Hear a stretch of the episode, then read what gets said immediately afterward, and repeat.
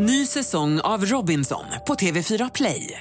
Hetta, storm, hunger. Det har hela tiden varit en kamp. Nu är det blod och tårar. Fan händer just nu. Det. Detta är inte okej. Robinson 2024, nu fucking kör vi! Streama söndag på TV4 Play. Så då ringde jag sju personer och gjorde slut. Oj, sju. Eh, och då var det så, men vad menar du? Alltså, vadå? Vi kan väl höra, det är väl inget, alltså man, man säger ju emot, vad menar du sådär? Och till slut så sa jag faktiskt rakt ut till alla dessa sju att jag känner att vår relation tar mer energi än den ger.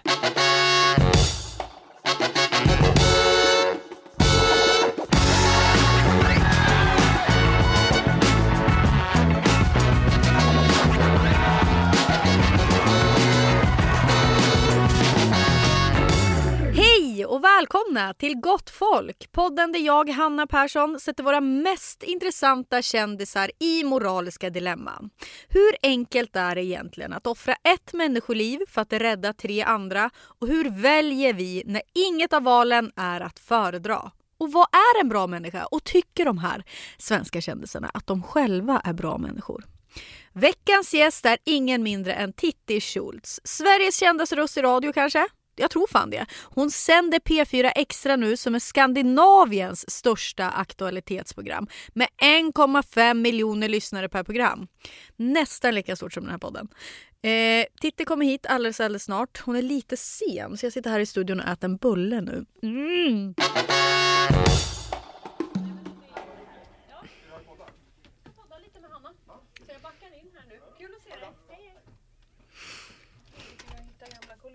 Ja, jag tänkte säga det. Visst har du... Du har inte sänt, eller har sänt här? För du sände väl på Energy? Ja. Och då satt vi här. ja.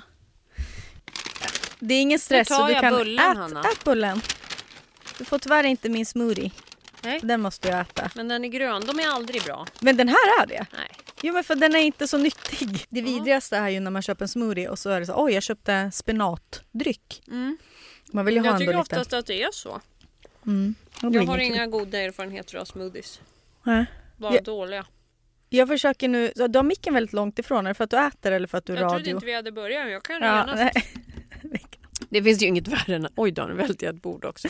finns ju inget värre än när folk äter i radio. nej, är det sant?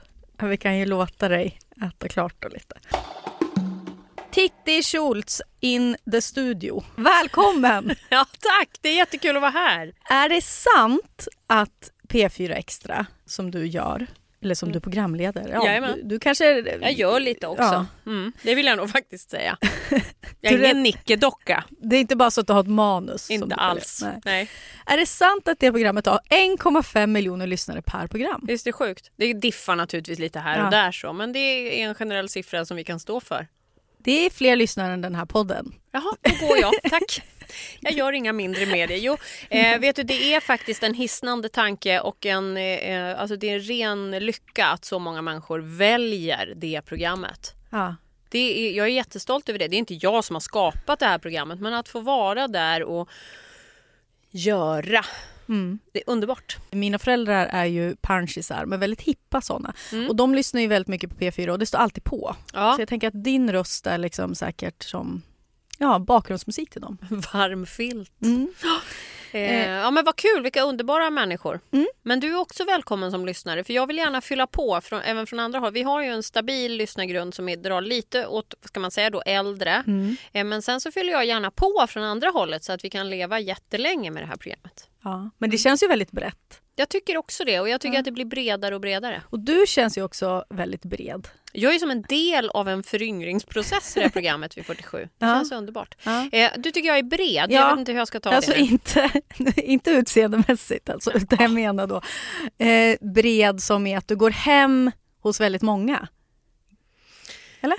Alltså, du känns ju väldigt- Eh, ehm, det känns lite så här drygt att säga ja. Nej, men alltså jag märker att det är väldigt olika sorters människor som verkar kunna stå ut med att lyssna på mig. Mm. Och vissa är snälla och säger att de till och med tycker att jag är väldigt bra. Att de Mm. gillar mig mycket.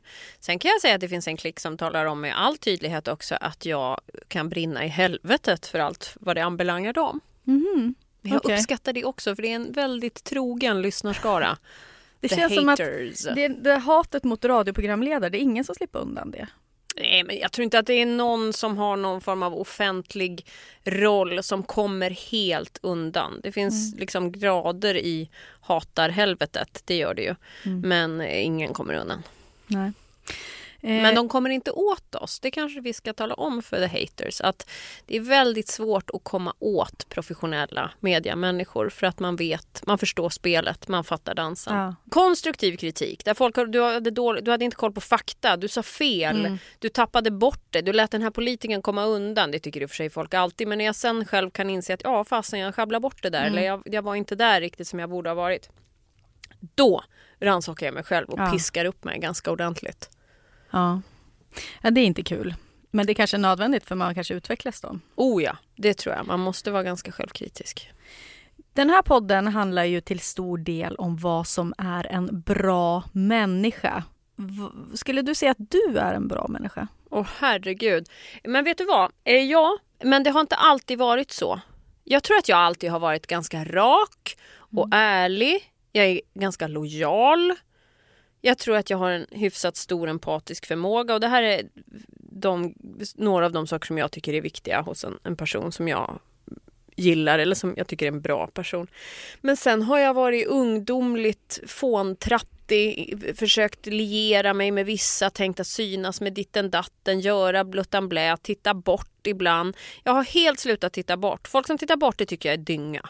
Som Hur menar du då? Titta Nej, men bort. som inte vågar liksom Okej, här är någon som är taskig mot någon annan och låter det passera för det var inte min sak. Det är Mm. alla sak när någon beter sig skit mot någon annan oavsett om det är stort eller litet. Och alla de där så, jag har verkligen försökt bli ännu bättre. Eller hur ska man säga? Alltså, nu lät det också. Det har alltid varit bra, nu är jag ännu bättre. Det lät ju konstigt. Men jag har verkligen försökt skärpa mig för att vara så bra det bara går. Mm. Eh, och har verkligen försökt, nu pratar vi, jag är ju 47 år gammal så att jag har ju liksom haft ganska, jag har sl- försökt slipa på det sen någon gång. Mm. Åtminstone 24-26 har jag ganska medvetet försökt tänka på vem jag vill vara. Var det någonting som hände då som gjorde att du tänkte shit, nu känner jag mig inte så bra? Eller har det mer varit att du blivit äldre och klokare? Ja, men vet du, jag kom på Eh, och då var jag väl snäppet äldre. Men jag kan nästan säga eh, under en period när ett morgonprogram som jag gjorde var extremt framgångsrikt. Inget kommersiellt morgonprogram var i närheten. Vi var större än Sveriges Radio vissa dagar.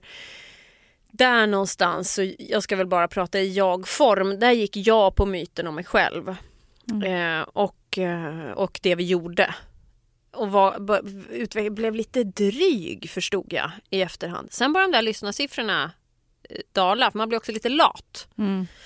Eh, och eh, där fick jag en spark i, i rumpan i alla fall. Att det där ska jag inte göra om. Där ska jag inte hamna. Jag ska inte förvänta mig att det ska vara på ett visst sätt. Att det ska stå en korg med frukt när jag kommer in på ett hotellrum bara för att det är ett stort morgonprogram. Vad är det för trams? Bara som en liten illustration. Där bestämde jag mig för att från och med nu ska jag vara snäll. Jag ska vara noga med att se andra människor. För jag pratar ju hela tiden. Gärna om mig själv, det är ett favoritämne, det är därför jag är med i poddar. Eh, men men, eh, men eh, skärpa mig på den punkten. Mm.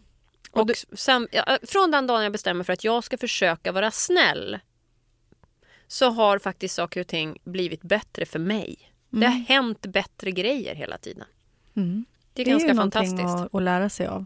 Hoppas det, eller så jag bara, har det bara varit slumpen. Men jag tror att det hade något med det att göra. Vad, när skulle du säga att du är längst ifrån den bilden då?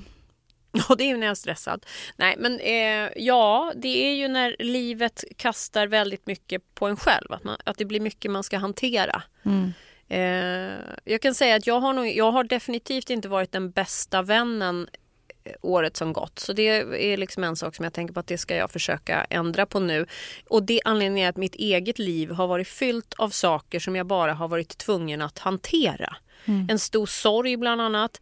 Eh, allt som följer i kölvattnet av att förlora någon. Min mamma dog i, i början av förra året. Och, och det är liksom Ja, men det så, hon var sjuk och sen skulle hon, så dog hon och inte någon, alltså att hon inte skulle bli frisk hade i alla fall jag förstått men att hon skulle dö just då, det var helt oväntat. Till och med hennes egen läkare var nästan förbannad över att det hade hänt. Eh, vi möttes i den ilskan han och jag, underbar människa. Och sen, eh, sen ska vi ta hand om varann, min pappa och jag och mamma bor kvar i huset där pappa eh, också bor. Hon är ju där, alla hennes saker, hennes liv. Alltså fy fan vad det är att hantera alltså. Och man får aldrig riktigt landa. Och det ska, det ska begravas och så får man någon form av ansvar. Jaha, vilka ska komma och äta lunch då efter begravningen? Som att det var helt avgörande. Och ja, och så tar, kommer den här också och den kommer också. Vad är det frågan om? Vi vill bara sitta och fulgrina och snoret ska rinna ner på hakan. Liksom. Eh, och sen, alltså nu missförstå mig rätt, jag är jättelycklig över alla som kom. Men det blir liksom också en situation, hur många får vi plats i det här rummet på stället där vi ska ha lunchen? Precis, det känns så banalt i i sammanhanget. Mm. Men samtidigt så är det ju där något man ska igenom. Ja. Och då eh, så blir ju det också ett sorgarbete. Men, alltså sorgarbetet är ju inte klart. Men allt som, jag la allt åt sidan. Jag försökte sköta mitt jobb för det mådde jag bra av. Att jobba och få liksom den bubblan. Och sen så ville jag vara med min pappa och så ville jag bara vara i, i det som behövde göras. Eh, det var den enda prioriteringen jag hade. Så att allt annat försummades. Mm. Och det är väl inte att vara långt ifrån att vara en bra eh, person. Det är väl bara att överleva, tänker jag. Ja, men Mm. jag kunde liksom inte göra något för någon annan. Inte för att någon inte förstod det. Det kan jag inte säga. Men jag hoppas att de vänner jag hade innan är kvar. Mm. Hallå! Här är jag. Mm. Är du bra på att förlåta? Ja, det är jag faktiskt. Men eh, jag förlåter inte många gånger som helst. Nej. Och, alltså, folk som beter sig riktigt illa, ja, kommer det alltså, en genuin ursäkt, då säger jag fine, vi lägger det åt sidan. Och så är det, då är det så för mig. Det ligger inte i fatet och skvalpar på något vis.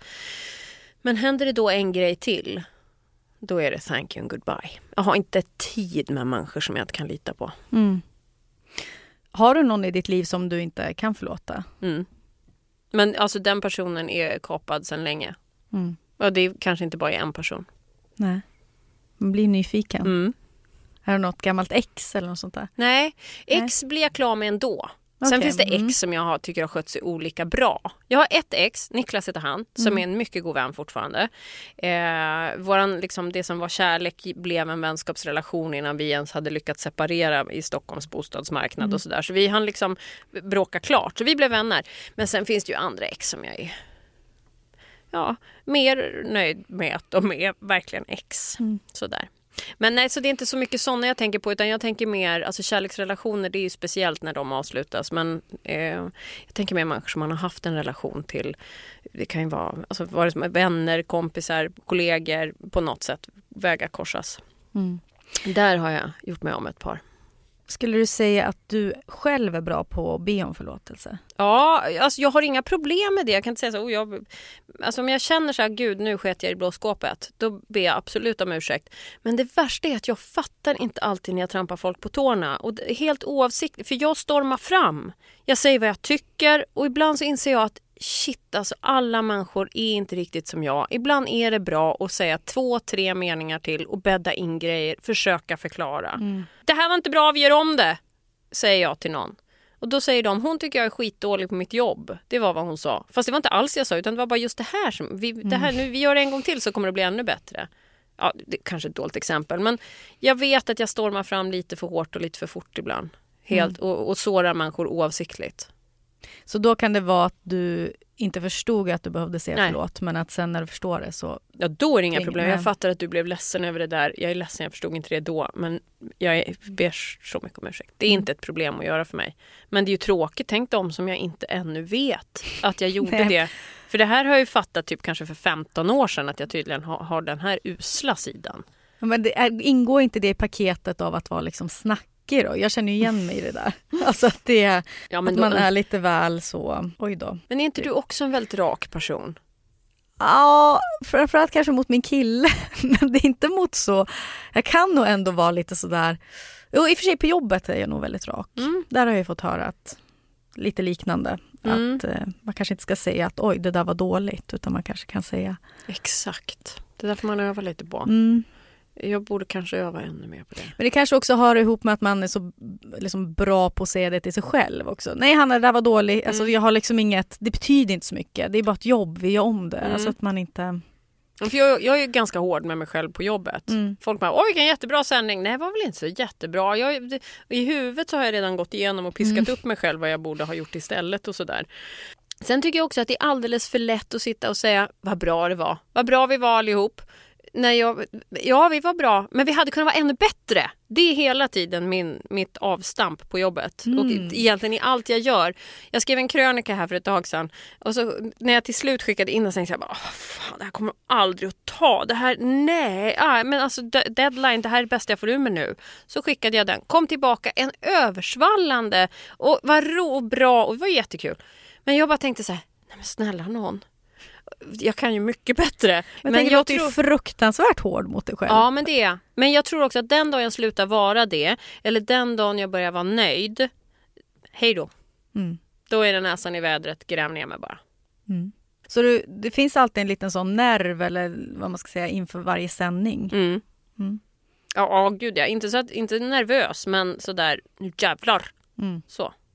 Och då när jag inte uppnår nu jävlar. Jag tror att jag går in 100% och så tycker jag själv när jag kommer ut att jag kanske inte tycker att jag gjort 70 men säg att jag bara tycker att ja, men jag var strax över 80 idag bara. Nej, det är inte något att gå hem och vara nöjd med. Då får man piska upp sig själv lite. Mm. Jag tycker 80, det ska man vara nöjd med. Mm. Mm.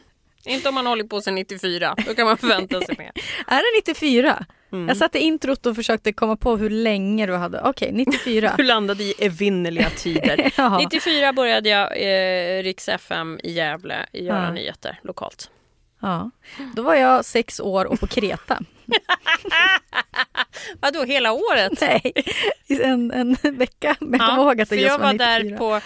Jag började i oktober, så att, om det var den veckan. Ja. Mm. Mm. Men du är ju från Sundsvall, där fanns ju också Riks lokalt. Där var Ja, jag och snurrade en del också. Mm. Ja, men Riks var riktigt stort. Mm. Eh, De hang kanske fram fortfarande. ja, jag vet inte. Ja, jag säger bara det. Eh, är du en person som ofta har dåligt samvete? Jag har dåligt samvete för sånt som jag inte hinner göra. Jag har lovat en person, till exempel just nu så har jag dåligt samvete då mot en, en man som jag har lovat att jag ska skicka en beskrivning av en grej som jag inte kan berätta mer än, alltså jag kan inte berätta vad det är. Det där lät väldigt mystiskt. Ja men det är en jobbig grej som vi ska göra, kanske. Ja. Och då behöver jag beskriva hur jag vill att den grejen ska bli. För att han ska veta vad han ska jobba mot. Man Ja, kan tro att det. han är min assistent men det är han inte. Men jag skulle hemskt gärna ha en. Eh, det, har jag, det har jag dåligt samvete för. Men jag har inte dåligt samvete för att jag har dödat en kanin. Nej. Gör du saker av dåligt samvete? Jag tänker, du är här idag, tackade du ja av dåligt samvete? Eller liksom? Nej tackar jag för att det här tänkte jag det blir kul för jag gillar ju dig. Det vet Ja. du, det har jag sagt många gånger. Ja, men det är kul. Mm, mm. Men eh, i annat då? Alltså gör du saker av skuld? Men gud, spontant så nej. Man träffar en kompis fast man inte riktigt känner att man orkar. Men vet du, jag har börjat kapa sånt ja. Mm. Det går inte att där hålla... hörde jag din jävel. Ja, jävel, Jävel kom, Gävle-dialekten. Ja, nej, men det har jag. Jag tror att det är din, ditt eh, Sundsvallsmål som Mm. lockar fram det där i mig. Ehm, för hundra år sedan ungefär gick jag in i väggen och då lärde jag mig en grej som var väldigt bra. Jag gjorde slut med ett par kompisar. Som bara, jag upplevde bara det här är bara ett måste. Man, jag stressade för att hinna umgås med dem. Mm. Och så tyckte jag att de bara tog energi. Det var kul och sådär men jag, det gav inte så mycket mer. Mm. Och så tänkte jag att det är inte de här jag kommer ringa heller om det blåser. Och så behövde jag inte ha så många den typen så här lite, det är kul med liksom lite lättvindiga kompisar också som man bara, ah, kul vi hänger och ses lite grann, det är roligt ibland. Men de hade blivit för många. Så det började äta upp mig mitt i en ganska tung jobbsituation. Så då när jag stod där söndergråten hos en doktor och så pratade vi om lite olika saker man kan göra och till slut så hade vi pratat en lång stund och kommit fram till att det här var en sak som åt upp mig. Så då ringde jag sju personer och gjorde slut. Oj, Mm. sju? Mm. Ändå många. Mm. Vad, vad, Jag sa ju det, de hade blivit för många. vad säger man i ett sånt samtal? Jag sa precis som det var. Vet du vad? Det här har jag ställt till med för mig själv. Jag har samlat på mig en massa grejer, de håller på att äta upp mig. Och en sak är också det här, mitt sociala liv som på ett sätt är härligt med många människor som är kul att umgås med. Men jag vill inte att du ska ha några fler förväntningar på mig. Jag tror inte att jag kommer att ringa igen inom överskådlig tid. Eh, och då var det så, men vad menar du? Alltså, vadå? Vi kan väl höra, det är väl inget, alltså man, man säger ju emot, vad menar du sådär? Och till slut så sa jag faktiskt rakt ut till alla dessa sju att jag känner att vår relation tar mer energi än den ger. Två fattade och jag tror kände ungefär samma. Jag tror inte de har saknat mig särskilt mycket. Eh, fem skitsura. Kanske också en för, liksom förväntad eller eh, ja, en förståelig reaktion. Men, men så blev det i alla fall. För mig var det toppen. Och det var inte möjligt för dig att bara låta det rinna ut i sanden då? Nej men det var ändå så här sms, när ska vi ses, när ska vi ses, när ska vi ses, sluta! Ja. Ja, Jag vill, inte, jag vill ha kravlösa relationer. Eller re, relationer där man vet att man kan ställa krav och förvänta sig saker men inte att det ska Alltså att det inte ska krävas en prestation för att man ska kunna umgås. Eller höras varannan gång. Eller. Nej, det, fy fan. Alltså det är ju inte, ring när du känner för Mm. det, jag gör detsamma. Nej, det var bra beslut att göra slut med den typen av... Ja, och det gjorde jättemycket. En Mm. av mina absolut bästa närmsta vänner, vi skrattar åt hur sällan vi hörs hon och jag. Men hon är liksom det absolut närmaste jag har. Sanna. Jag vet att Mm. Shout du lyssnar. Shout out Sanna. Vi ska gå in på moralsnabbisen. Jag kommer ställa snabba frågor och du kommer säkert ge långa svar. Nej, jag ska Men det- försöka skärpa mig. Nej, men det- Är det korta svar du vill ha? Nej, jag, ibland ifall jag får för korta kan jag, kommer jag ställa en följdfråga. Okej. Äter du kött? Ja, Varför? gott. Jaha, ja, du behöver inte svara som en robot. Okej, ja, nej, men det var ungefär det. Jag äter kött och det gör jag för att jag fortfarande tycker att det är väldigt gott. Jag känner också att när jag långa perioder inte äter kött, då saknar min kropp det. Eh, däremot, nu kommer det här, så har jag naturligtvis börjat, eh, utan att det behöver vara, det har bara hänt. Eh, jag äter kött mer sällan, det här säger alla människor, men jag kan bara stämma in i den kören.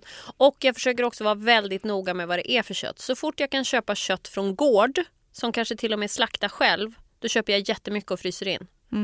Har du ingen Eh. jägare uppe i Gävle som du kan få lite älgkött av och sådär? Eh, Säkert, men jag påminner dig om becquerelhalterna efter Tjernobyl.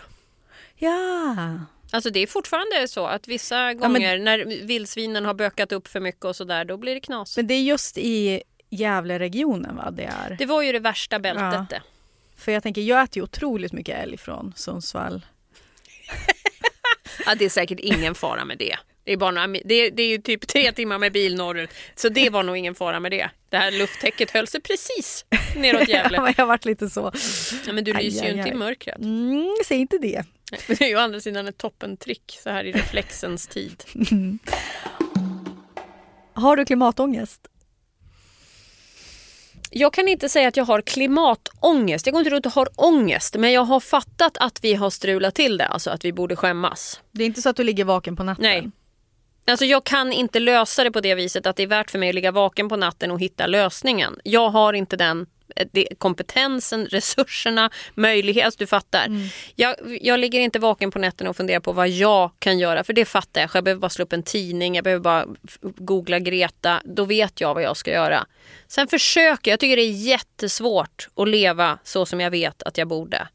Det är jättesvårt. I vår familj har vi två bilar. Det är helt oförsvarligt. Vi bor i Stockholms innerstad. Det enda vi gör, vi umgås genom att leta parkering som två idioter.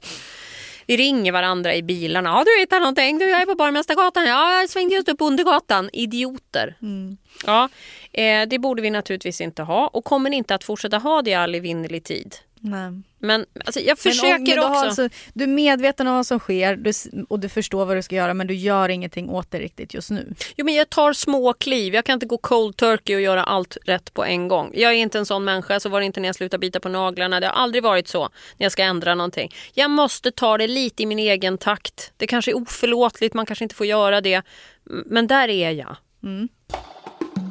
Källsorterar du?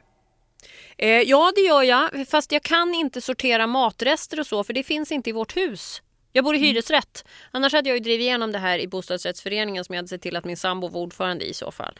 För att då hade jag bara kunnat säga till honom, se till att det här händer. För jag vill inte sitta i någon styrelse och så själv, hålla på och behöva är engagera mig. Eh, och då, ehm, eh, så att, men jag går iväg med kartongerna, eh, slänger glasburkarna, eh, verkligen. Pantar. Är Där finns det ju pengar också att tjäna. Mm, du, ta- typ. du tar dem själv, det är inte så att du trycker på den här Rädda Barnen-knappen. Det beror på var i månaden vi befinner oss.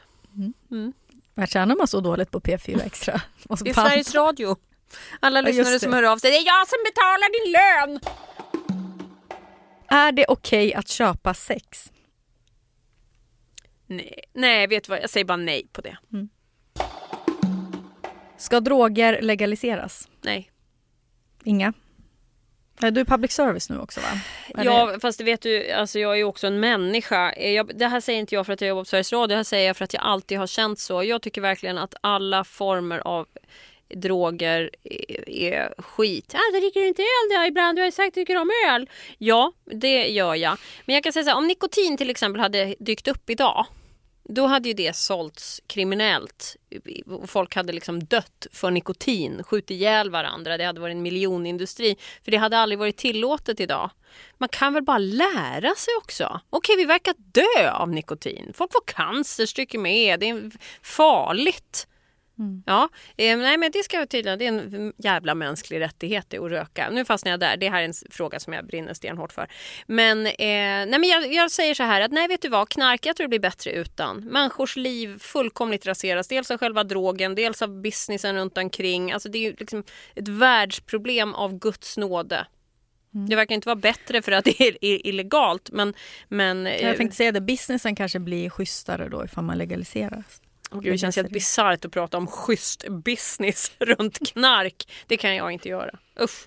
Nej men det är, det är för mycket som är skit. Tänk att man skulle få mer pengar ifall det var skatt, skattat då till som vård och sådär. Missbruksvård. Jaha, ja, okej så att först ska man knarka sönder sig. Sen ja, så kan man då säga när man väl är inlagd någonstans att bara, men jag har själv finansierat det här med mitt eget missbruk. Jag säger inte att jag är för, jag bara testar din åsikt. Du vill sitta här och vara djävulens advokat, mm. jag förstår. Mm. Ja, men jag har svårt att se, det är klart att det är, med tanke på de vårdköer som vi har hört talas om nu och hur det ser ut mm. i väntrum här och där, jag har själv suttit där några gånger, eh, då, då visst absolut skulle knarket kunna göra att vården blev bättre, hmm, men jag säger nej. Är du för dödsstraff? Nej, det är jag inte. Tydligt. Ja. Hur mycket skänker du till välgörenhet varje månad? Ganska mycket. Har du någon summa du kan? Jag kan säga att det är ett par tusen lappar. Mm. Mm. Vad, vad är det för organisationer då?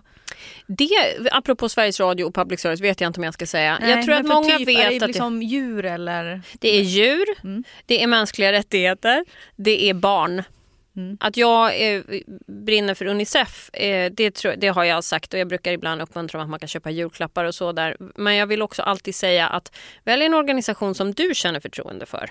Öppnar du breven som du får från de här välgörenhets organisationerna? Mm, alla utom från, de som kommer från djurorganisationerna. För jag klarar inte av att se det. Jag vet ja, jag om skiten, var... jag kan bara inte titta på det. Ah, Okej, okay, det är jobbigare att ja. titta. Ah, okay. Jag vet ju om det och jag betalar och jag hoppas att allt blir bättre och jag vill det. Mm. Men jag kan inte grotta ner mig i de bilderna. Jag trodde att det var för att du sket i en panda som gråter. Liksom. Ja, verkligen inte. Det är precis Nej. tvärtom. Jag börjar ja. med med den där pandan. Ja. Mm. På näthinnan. Det, är som, det, det, finns ju reklamfilmer också där de visar hur djur ja. far illa världen över. Jag skriker! Min sambo ja. han är så stressad över det där. Så att, och han jobbar på, på TV4 så att han har lite koll på hur reklamkampanjer ligger. Och då kan han på riktigt så kastar han sig över fjärrkontrollen. Och nej! Nu kommer den här! För han, jag bara bryter ihop. Ja. Mm. Jag förstår. Om jag var skådespelare så är det liksom utmärglade fastkedjade björnar jag skulle tänka på när jag hade gråtscener. Mm. Men de här eh, svältande barnen och så, de rör dig inte i ryggen? Jo, det gör det absolut. Men där är det en människa. Jag kan relatera till mänskligt mänsklig misär. Mm. Jag kan hacka i med det, jag kan ta tag i det, jag kan brottas med den fysiskt. Eh, det jag såg när jag reste i Sierra Leone med Unicef, det går inte att beskriva. Eh, och fortfarande, ganska många år sedan nu, men varje dag så finns det någon detalj från den resan som jag tänker på. Eh, men det, jag kan hantera, det kan jag hantera på ett helt annat sätt. Ett oskyldigt djur som inte fattar någonting av vad de här idiotiska människorna runt omkring har för sig. Det går inte för mig. Jag vill ta de här människorna och bara slå den andra med. Ehm, det är samma sak som jag ser människor nu som har varit på semester här över jul och nyår och visar hur de kramar olika exotiska djur i olika länder. Och jag är helt häpen över att folk fortfarande är så dumma i huvudet åker iväg och liksom gynnar en sån industri. Ja, vad ska de här människorna leva på då? Ja, fine, men vi kan inte hålla på och äta upp varandra. Mm. Ändå äter du kött. Ja, nu menade jag mer att profitera ja, då. Mm. Ja. Jag tänker inte äta upp en stackars koala, det kan jag säga dig. Gud, nu höll jag på att dö uruselt skämt om det. Det gör jag inte, jag tar en klunk kaffe istället. Tänkte du säga något om grillade koalor nu? Nej. Ser du rakt igenom mig? Vad obehagligt. Usch. Har du varit otrogen? Inte mot Erik. Nej. Jag ta det som ett ja någon annan gång då. Jag har haft ett liv innan Erik. Det har gått olika bra. Har du blivit bedragen? Ja. Vad var värst? Ja, herregud. Vad ska jag säga nu? Nej, men det är naturligtvis att bli bedragen. Sen är det ju uselt att bedra. Sen vill jag säga så här. Jag har inte ägnat mig åt otrohet där jag har ja, kört ett race lite parallellt. Utan jag har verkligen varit på väg ur relationer. Men de har inte varit helt liksom, lapp på luckan. Alltså, det här har inte hänt skitmånga gånger. Gud, nu blir det en rubrik. Åh, hänt extra. Ny säsong av Robinson på TV4 Play. Hetta, storm, hunger. Det har hela tiden varit en kamp. Nu är det blod och tårar. liksom. Fan händer just nu. Det. är Detta är inte okej. Robinson 2024, nu fucking kör vi! Streama söndag på TV4 Play. Ett poddtips från Podplay. I fallen jag aldrig glömmer djupdyker Hasse Aro i arbetet bakom några av Sveriges mest uppseendeväckande brottsutredningar. Går vi in med hemlig telefonavlyssning och, och då upplever vi att vi får en total förändring av hans beteende. Vad är det som händer nu? Vem är det som läcker? Och så säger han att jag är kriminell, jag har varit kriminell i hela mitt liv men att mörda ett barn, där går min gräns. Nya säsongen av Fallen jag aldrig glömmer på Podplay.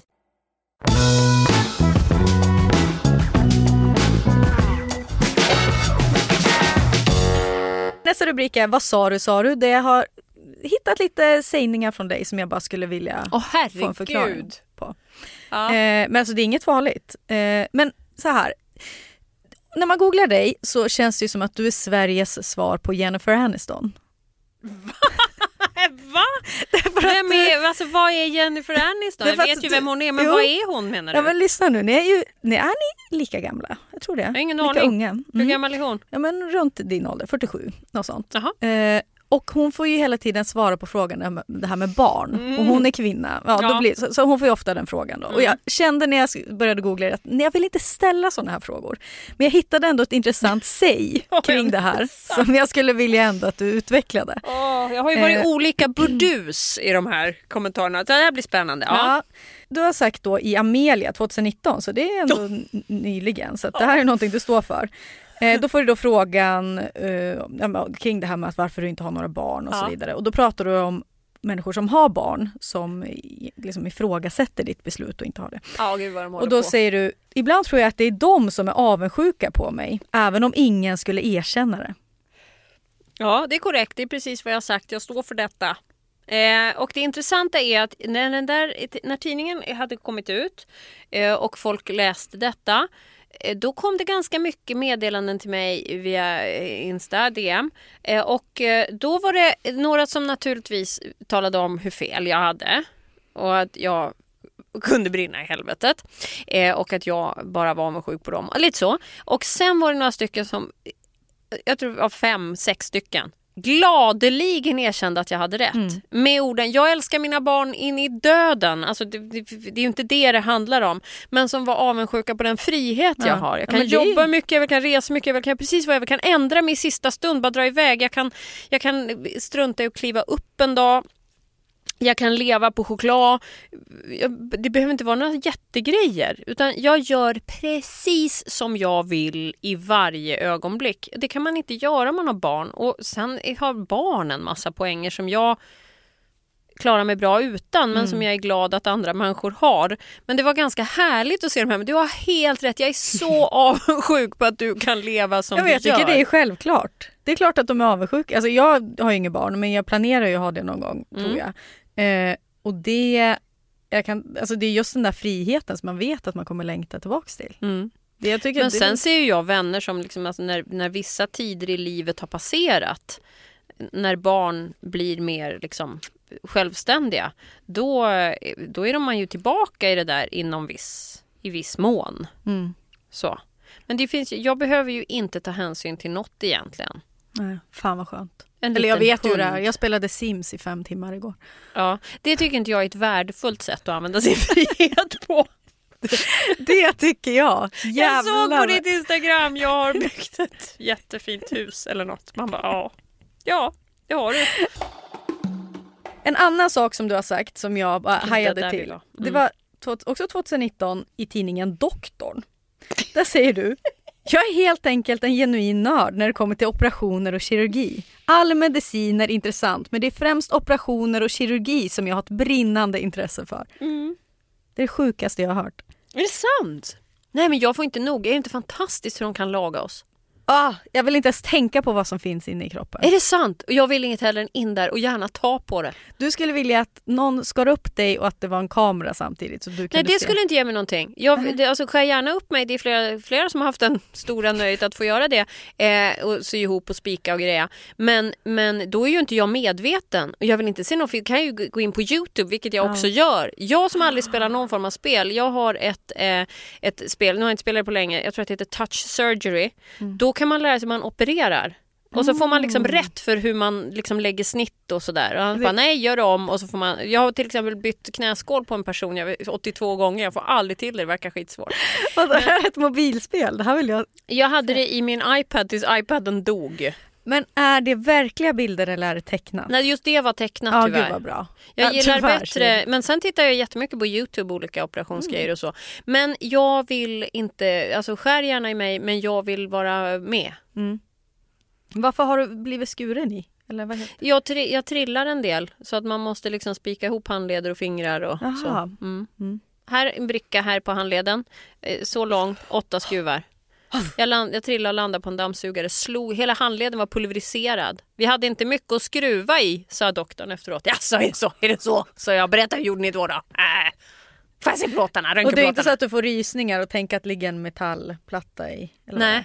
Däremot så tror jag att det har hänt någonting nu för att ibland, det är framförallt när jag tränar och lyfter tunga stäng, skivstänger och så, oh, jag är så stark, då känner jag av någonting precis här i vick. handled- Är du lite känslig för sånt här? Ja. Men kan inte jag få berätta då om när jag fick den stora äran att vara med vid ett hjärtklaffbyte. Det är ju öppen Oj. hjärtkirurgi. Jävlar, får man som vem som helst Nej, med? det var inte att bara glida in, det kan Nej. jag säga. Och det, och det är väl viktigt att säga, nu låter det som jag sitter helt raljant, att allt, jag har haft tillfälle att vara med vid tre operationer på andra människor. De människorna till att börja med har ju gett sitt godkännande. Jag skriver på samma tystnadspliktsavtal som vilken läkare som helst. Men du sitter här och pratar. Ja, fast du kan ju inte direkt säga eh, vem det var Nej. Mm. eller hur det var eller varför man gjorde de här sakerna. Eh, så att, eh, jag får ju prata om det, men, om min upplevelse. Men Mm. jag kommer ju inte att berätta några detaljer eller vad födelsemärkena satt på de Mm. här personerna. Ja men hur var det då? Nej men det var ju helt otroligt. Det var ju som att, det var ju som att vara med under, alltså jag har ju, vi är ju inte religiös men det var som att se skapelsen på något sätt. Först såg de liksom upp den här bröstkorgen. Det var en man, så mycket kan jag säga. Eh, och sen så sätter de liksom ett, då är det en liten glipa där, bröstkorgen åker isär lite grann. Sen så sätter man en stor metallgrej där som en domkraft och så vevar man isär bröstkorgen så den öppnar ju upp sig liksom så benet är ju ut där bröstvårtorna är ja. ungefär. Och Ah, ja så, det töjs, alltså de Ja, trycker ut du vet revbenen kan du Mm. bara boing. Så, de är ganska elastiska. Och sen, det låter verkligen som att jag är kirurg nu. Men hur som helst, och sen började den här läkaren då, det var ett jätteteam kan jag säga vid ett hjärtklaffbyte. Det är ganska känsligt med hjärtat. Du ska leda bort, eh, det ska andningen ske utanför kroppen. Lungorna kopplas bort till en maskin som andas åt dig och pumpar liksom syre i kroppen. Och sen ska allt blod ledas utanför kroppen för du kan ju liksom inte ha en stor aorta som håller på att pumpa Nej. genom hjärtat. Du kan ju tänka dig vad stökigt det skulle bli. Eh, men så, så då, eh, sen så skär han sig då ner närmare och säger, nu är vi vid hjärtsäcken säger han. Där inne bor hjärtat. I en liten påse. Och då skär han För då försiktigt. ser du hur den... Du, du, Ja, för, ja, man ser att hjärtat rör sig där inne. Så skär han då upp hjärtsäcken för han måste ju in i hjärtat och jobba. Och då, så blir, och då måste man vara försiktig. Hjärtsäcken ligger olika nära hjärtat på olika personer. Och så, där. så skär han försiktigt, försiktigt ett litet snitt. Kanske 7 millimeter. Och sen öppnar det upp med en liten glipa. Och då är det där innanför. Och det, det är ungefär som att det säger Titt ut! så ligger det där inne och pumpar och ser ut precis som på TV. Hjärtat. Då började jag grina. Ja men jag förstår det. Det var så jag fick nästan lite stort. gåshud nu Ja. när du sa det. Och så skär de försiktigt upp och så är hjärtat där. Och sen är det stört när de kopplar runt. Då säger de så här. "Åh, Har alla fått på sig glasögon? Och så, för då precis när de ska koppla på aortan till en maskin och leda blodet utanför kroppen istället. Där kan det skvätta lite och jag fattar ingenting. Varför har jag fått på mig? Jag fick ett som, som en prao. Jag fick inte skyddsglasögon, jag fick ett litet visir. Men i alla fall. Och då säger det skvätt. Tills det liksom hookar upp och, och liksom blir tätt igen. Ja. Så då skvätter det ut lite blod för det är ett otroligt tryck där. Och då undrade jag lite bara, jaha okej nu fattar jag. Och så fick jag torka lite. Så. Fan Nej men det var, alltså, och, och ändå, och det här hörde ju till, det, så kunde det ju vara, det var inga konstigheter. Och sen så slutar ju hjärtat slå. För att hjärtat, man är ju kopplad på en hjärt och lungmaskin. Liksom. Nej, det, alltså jag, jag Vadå? är så, Så att- imponerad över de här människorna som jobbar med Så det här. hjärtat kan sluta slå för att det är något annat som pumpar runt blodet? Ja men man har liksom kopplat runt. Okej. Det här när det, blodet går runt i kroppen så passerar det ju hjärtat hela tiden och skjutsas iväg. Men nu har man liksom kopplat den funktionen till en maskin som står faktiskt fyra meter bort tror jag. Tre i alla fall. Från kroppen. Så att man kopplar liksom eh, aortan dit istället. Och då kan hjärtat bara stanna för då händer det inget mer där. Det behöver inte jobba just då. Så då är det helt stilla under hjärtklaffbytet och sen ska ju det här kopplas ihop igen. Vet du vad man gör en hjärtklaff av? Nej. Kalvstrupe. Oj. Och det är ingen specialkalv, för det var jag noga med. Vad då föds det upp kalvar och vi dödar dem för strupens skull? Icke, det är slaktavfall. Det är väl Oj. jättebra? Shit, är inte det tänk att vara fantastiskt? den personen som har kommit på det. Det här kan vi nog använda. Ja, exakt. Mm. Jag tror att den, den dyraste varianten på hjärtklapp, det här är sanning med modifikation, jag är inte säker på de här uppgifterna. Du är ju kirurg. 37 000 kronor tror jag är den dyraste sorten. Ja. Tycker Skulle jag ändå kunna- var billigt. Skulle, låt säga jag börjar få ont i, nu har inte jag någon blindtarm för den är opererad bort, men om jag skulle få det, skulle du kunna operera mig här och nu? Om du, hade, om du hade verktygen? Hörni, eh, varmt vatten och handdukar, jag ska bara operera. Eh, Jag vet, tror- du på ungefär, vet vart den sitter? Alltså Ja. har du koll på kroppen så? Ja, det har jag. Men det vore jätteolämpligt om jag började operera. Jo, det- Vet du vad jag däremot kan göra? Som man har sett på film. När folk behöver intubera så man inte... Är, då, penna, rakt ner i halsgropen. Inga problem. Mm. Jag ljuger. Det är klart jag inte kan. Herregud, jag kommer bli inlåst snart. Ja, hon tror att hon är kirurg. Se upp.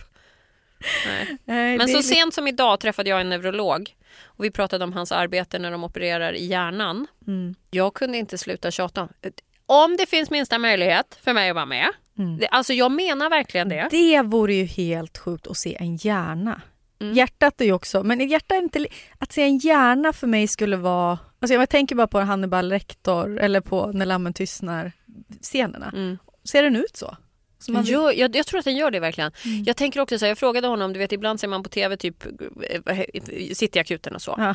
Jag blir så ivrig. Eh, då ser man ju patienten sitter halvt så här och de håller på att operera Ja. i huvudet. Och så rör de ett och så ser man så här så bara och så kommer rösten tillbaka. Då har man liksom kommit för nära talcentra.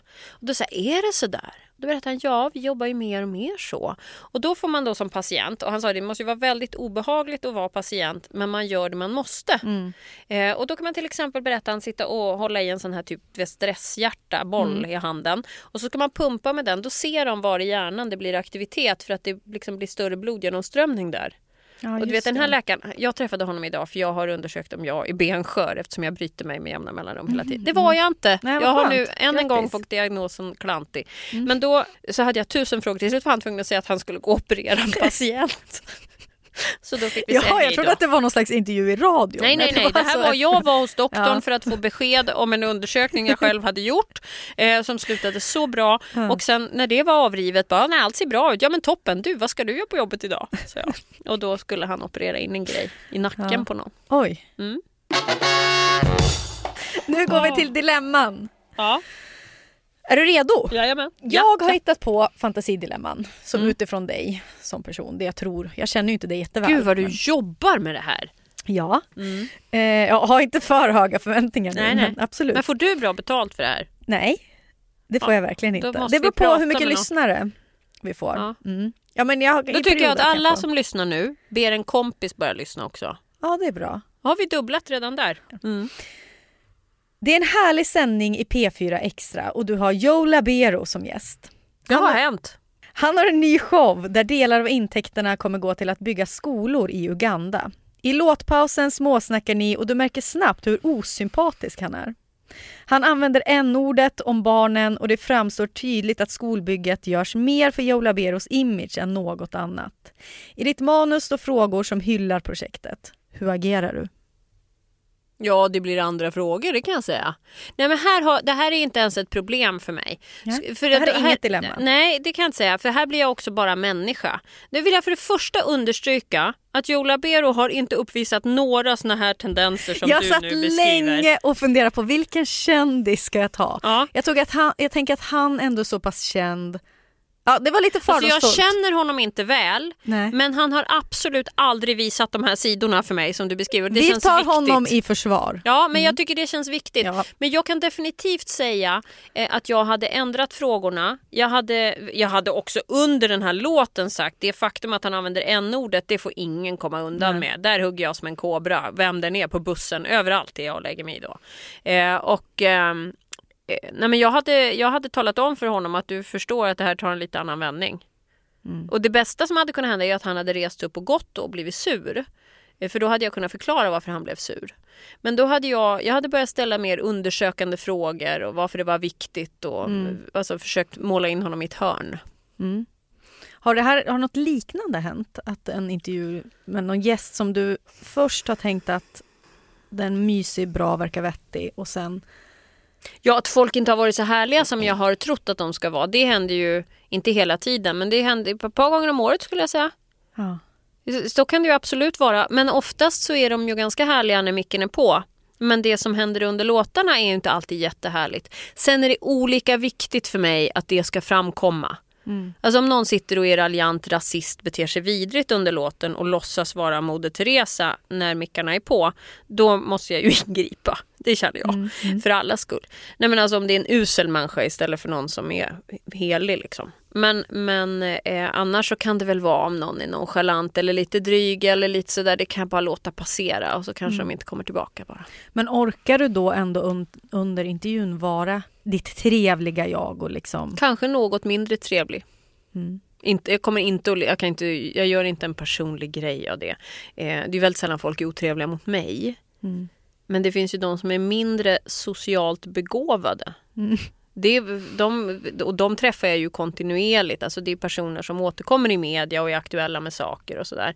Så att eh, det finns ju absolut sådana exempel. För vissa anser ju också att när micken går på då jobbar de. När micken är av då skiter de i mig. Jag är bara ett verktyg för att de ska få göra PR för någonting. Och du känns ju precis tvärtom tänkte jag säga, men det låter ju också fel. Jag menar inte så, men du känns ju... Jag hörde bara när du kom in hit, nu kände ju då några folk här och sådär, men att du trevlig, glad, snackig. Mm. Är du så jämt? Ja, Alltså, jag tyckte det var kul att komma hit eftersom jag tänkte så har jag tur springer på några före detta kollegor. Det finns många här uppe som jag gillar. Mm. Eh, och eh, ja, nej men det. Mm. Jag, när man är ute bland folk så får man ju liksom ha sin, sin antenn på. Ring ring! Det är ditt 16-åriga gudbarn som ringer. Hen är på fest och har fått i sig lite för mycket alkohol. Föräldrarna är inte i stan så hen behöver bara skjuts hem. Du ställer givetvis upp och känner dig lite nöjd med förtroendet du fått. Ditt gudbarn pratar med dig och ber dig gång på gång att inte säga något till hens föräldrar. Hen ringde ju dig faktiskt i förtroende. Håller du den här hemligheten och bevarar ert fina band eller pratar du med föräldrarna? Jag skulle aldrig skvallra, men jag skulle, jag skulle uppmana henne att prata med dem själv och säga det att om du inte berättar så måste jag berätta. Jag ska ju fortfarande ha en fungerande relation med föräldrarna. Men om den här, det här gudbarnet inte vill det då? Jag tror att vi skulle komma fram till att det fanns en lösning på det. Jag tror jag skulle säga till henne, jag kan bjuda till och säga att du inte har spytt ner min bil och säga att det hände. Eh, jag kan säga att, du, att det inte hände. Vi kan tona ner hur full du var. Men jag vill att du ska erkänna att du drack alkohol men att du valde att göra det förnuftiga, nämligen ringa mig för att få skjuts hem.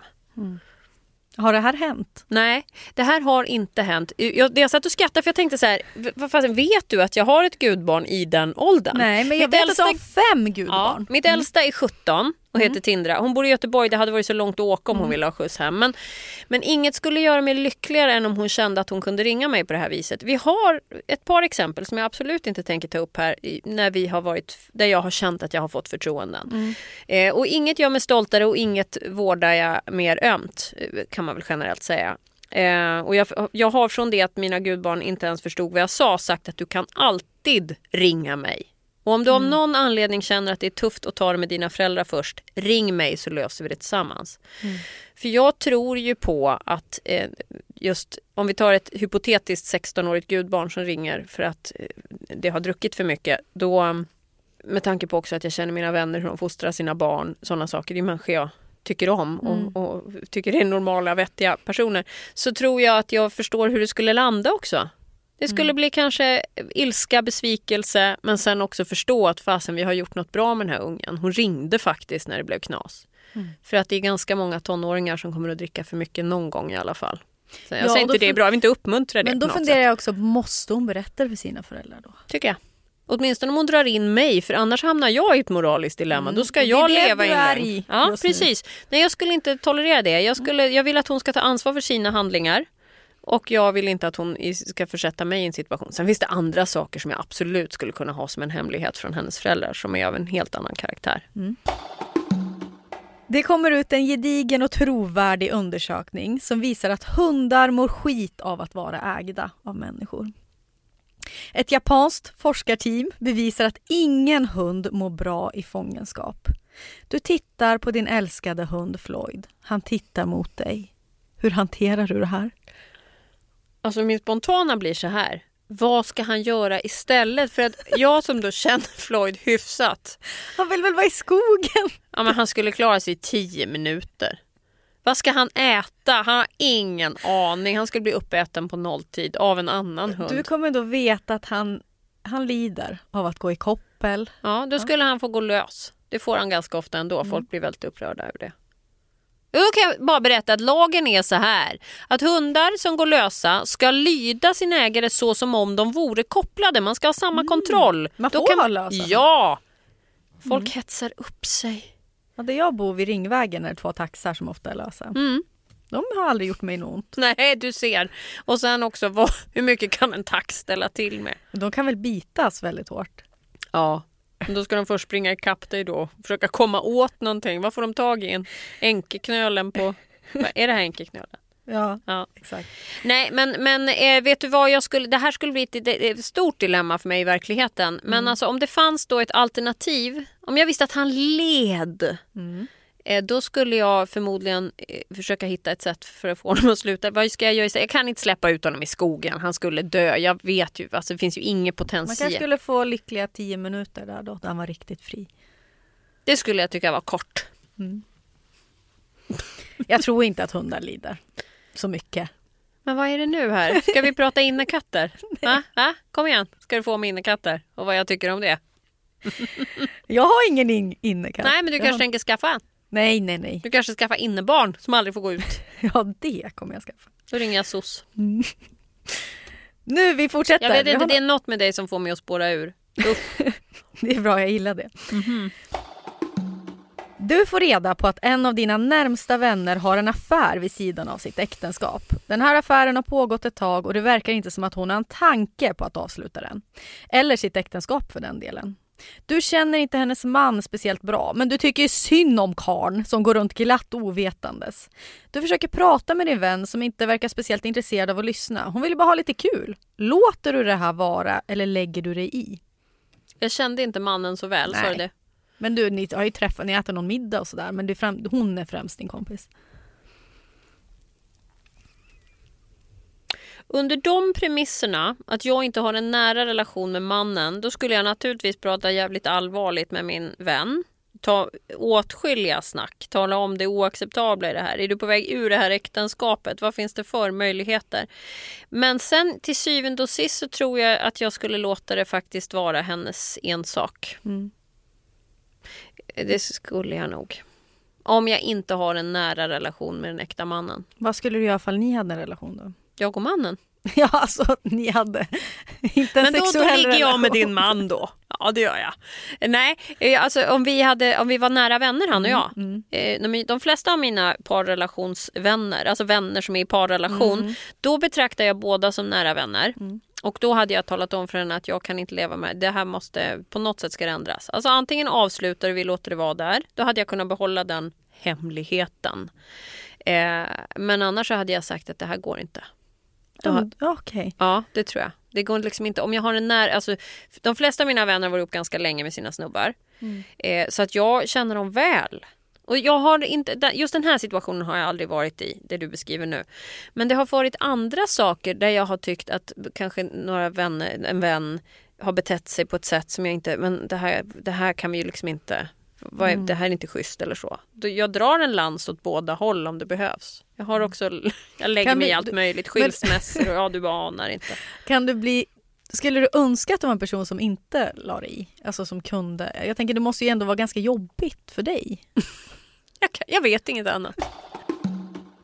Din gamla kollega och vän Farsad hör av sig. Han sitter verkligen i skiten och behöver hjälp. Det har, vi kan säga, missats lite i bokföringen. Han kommer åka dit för grovt skattebrott i med två år i fängelse.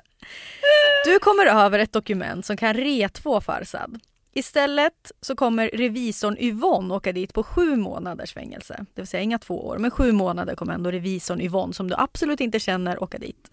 Ingen kommer någonsin få reda på att du hittar det här dokumentet och att det är du som får Farsad ur knipan. Tar du fram det?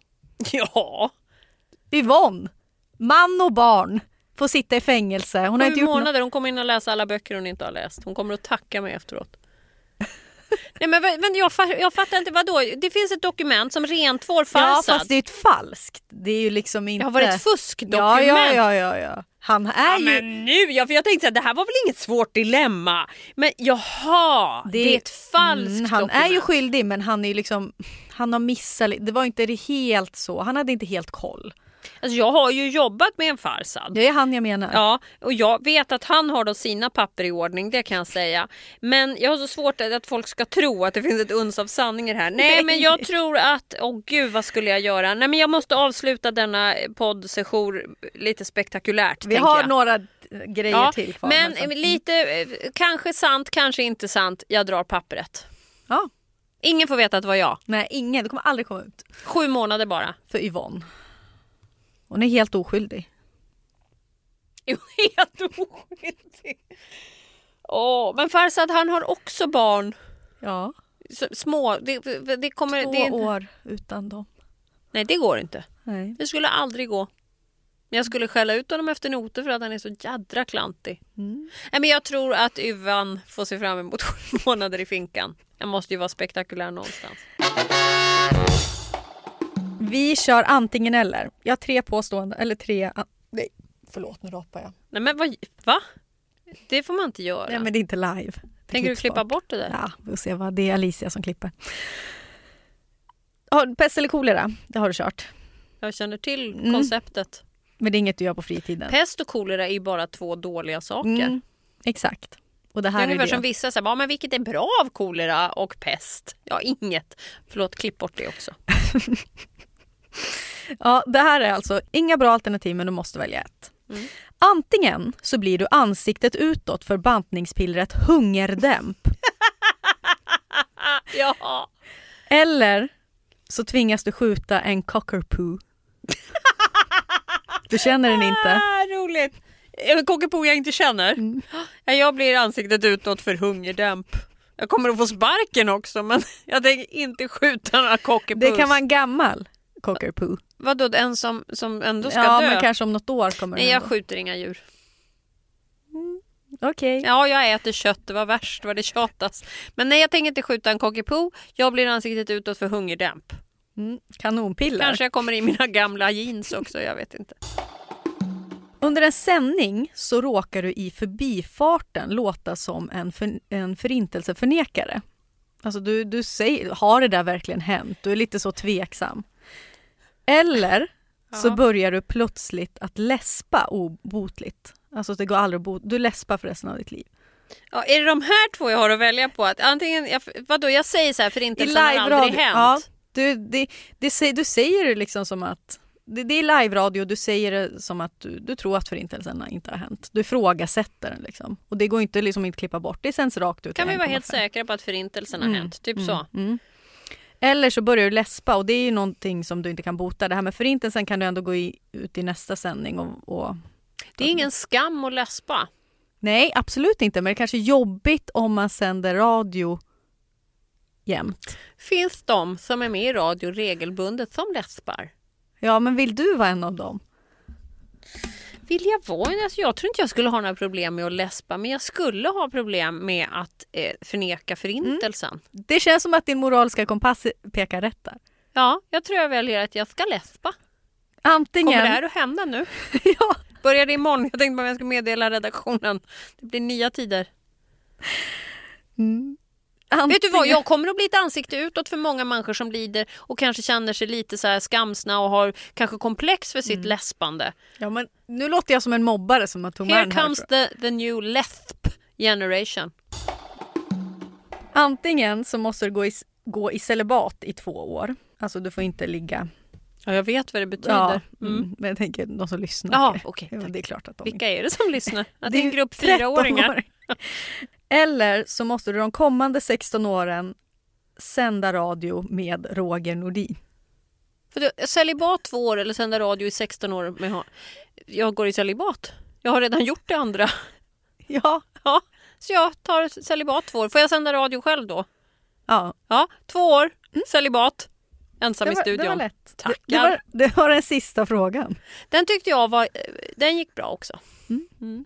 Ja, men vad härligt, är vi klara? Nu är vi färdiga och din eh, moraliska kompass tycker Ja, var är den? Ja, det, det får ju lyssnarna avgöra. Det jag brukar ju säga så till lyssnarna i den här podden, att de ska slida in på DMs. Mm. Titti Schultz heter du på Instagram. Ja, det gör jag. Mm. Det gör jag. Du, du kan ju antingen slida in till dig eller till mig och säga ja, men jag tyckte det var raka svar, jag tyckte att hon hade koll på det här. Eller så kan du säga "Va- här var du ute och cykla. Men jag kan väl säga så här, ett rakt svar det har du ju knappt fått på hela, hela men den här det tycker jag. stunden. Jaha. Mm. Var det någonting som du tyckte var svårt? Eller vad kände du att du hade? Ja, det var något någonstans där jag tyckte det var svårt. Men ändå, jag känner att jag, eh, jag, har, jag har bara ljugit lite och det var med den där revisorn, Mm. Yvonne, som nu kan skaka galler. Du skulle egentligen ha slängt Farsad under bussen. Eller du skulle inte ha tagit fram jag tror, vet du vad jag tror att jag hade gjort? Jag tror att jag hade sett till att någon annan hittade pappret. Ja, du hade lagt fram det lite snyggt Ja. sådär. Oj, vad ligger här? Ja, Mm. jag tror det. Och så rätt person liksom. Mm. Ka- kanske en, en närstående familjemedlem som medvet att man offrar livet för varandra. Men är det så moraliskt korrekt att de måste Ingen ta aning, men då hade det varit i alla fall så att han inte behövde sitta i finkan och jag hade bara, jag har ingen aning om någonting. den? Mm. Jag hade inte använt mina, jag hade haft vantar när jag la fram det. Så att inte mina fingeravtryck syntes. Mm. Är det någonting du vill tipsa lyssnarna om? Vadå generellt bara Ja, så här i slutet. Kan vara ett livsråd, kan vara en, någonting du är med i. Något jag är med i. Ja men missa inte mig, just det du är public service. Missa inte dig på... Ja, det är så här, varenda jädra måndag till torsdag går det bra att lyssna på mig på P4 Extra. Vi sänder mellan 13 och 15 om det inte är skidskytte för då kan det bli en annan tid. För skidskytte toppar allt och det är för att det är en rolig sport.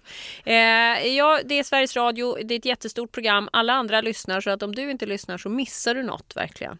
Eh, om jag ska tipsa, jag vill tipsa om en grej, en jätteenkel sås man kan göra. Oj! Då tar man en crème fraîche, burk, ner med den. Sen tar man sån här sa- s- s- sweet and sour sås. Den här rosa, du vet. Med- Alltså sweet chili? Ja, den. Ja.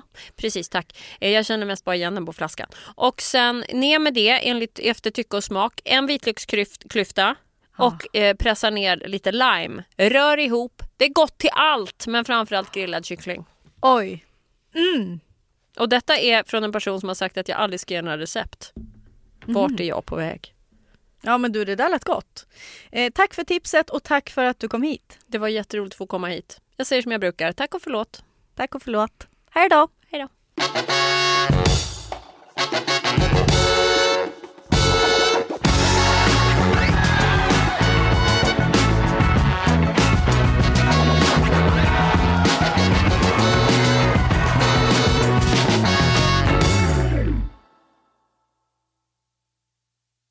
Ny säsong av Robinson på TV4 Play.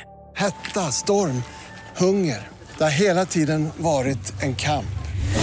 Nu är det blod och tårar. Fan händer just nu. Det. är Detta är inte okej. Robinson 2024, nu fucking kör vi! Streama söndag på TV4 Play.